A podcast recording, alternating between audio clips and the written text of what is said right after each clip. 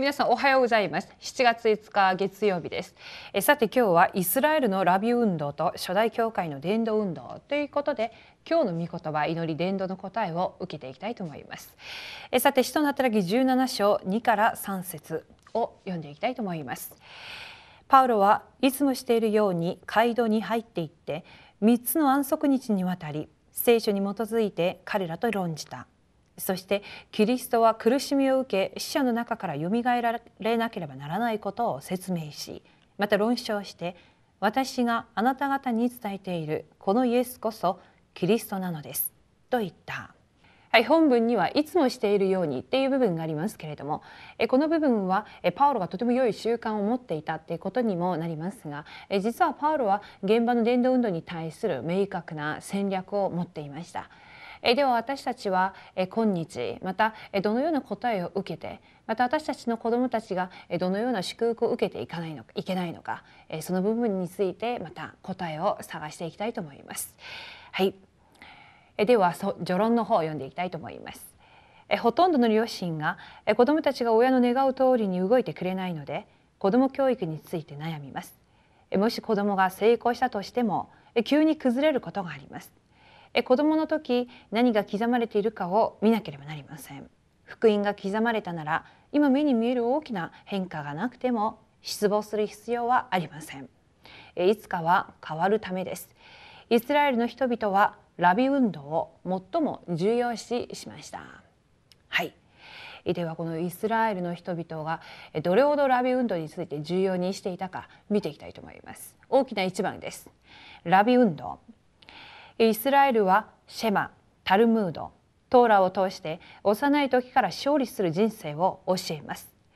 一生神様を逃さないよう経済を逃さないようにと教えます。このようにしてユダヤ人たちがだんだんと世界を征服するようになって現在ノーベル賞の3分の1をユダヤ人が受賞するくらい世界に影響を及ぼしています。それだけではなく世界人口の3%にしかならないユダヤ人が世界経済の30%を掌握していてアインシュタインエジソンのような偉人たちがほとんどユダヤ人です。イスラエルの人々は有名なラビがどこに住んでいるかによって引っ越したりしていました。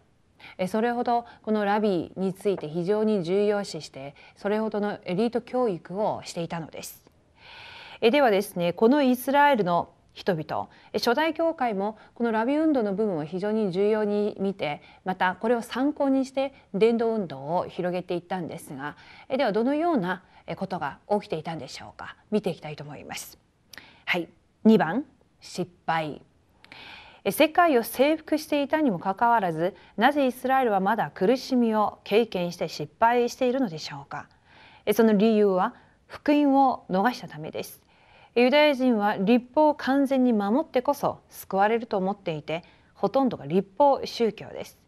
そのため行いを強調して今は優れているように見えても生じる霊的な問題は解決できずに失敗し続けています。残念なことに現在と霊的な問題を全く理解できず福音も知らないためです。はい。このイスラエルの人々はラビ運動を通して非常に経済または福音のメシアの思想を植え付けていきましたけれども結局これはまだ彼らはメシアを待っているんですがいまだにですねこれがそれこそ福音的な教育ではなかったために結局は悲惨な形で今21世紀をも大変な生活の中で暮らしています。このように子どもの時に何かが何が刻まれていくか非常に重要なんですが私私たちレムナントは子どもの時から福音を持ってそして片手には福音そしてもう片手には自分の実力を磨きながらユダヤ人を生かしていかなきゃならないためにこの彼らがやっていたラビ運動を超えていく福音伝道運動を広げていかなくてはならないと思います。そのために次の3番また読んでいきたいと思います。伝道運動。イスラエルと全世界を生かすためには教会の中で先に伝道運動が起きなければなりません。教会に伝道運動が起き始めると3,000人の弟子が集まりエルサレムに伝道運動が起きたように神様が全ての門を開かれます。そして現場が教会化しなければなりません。住職者を立てる理由がまさにここにあります。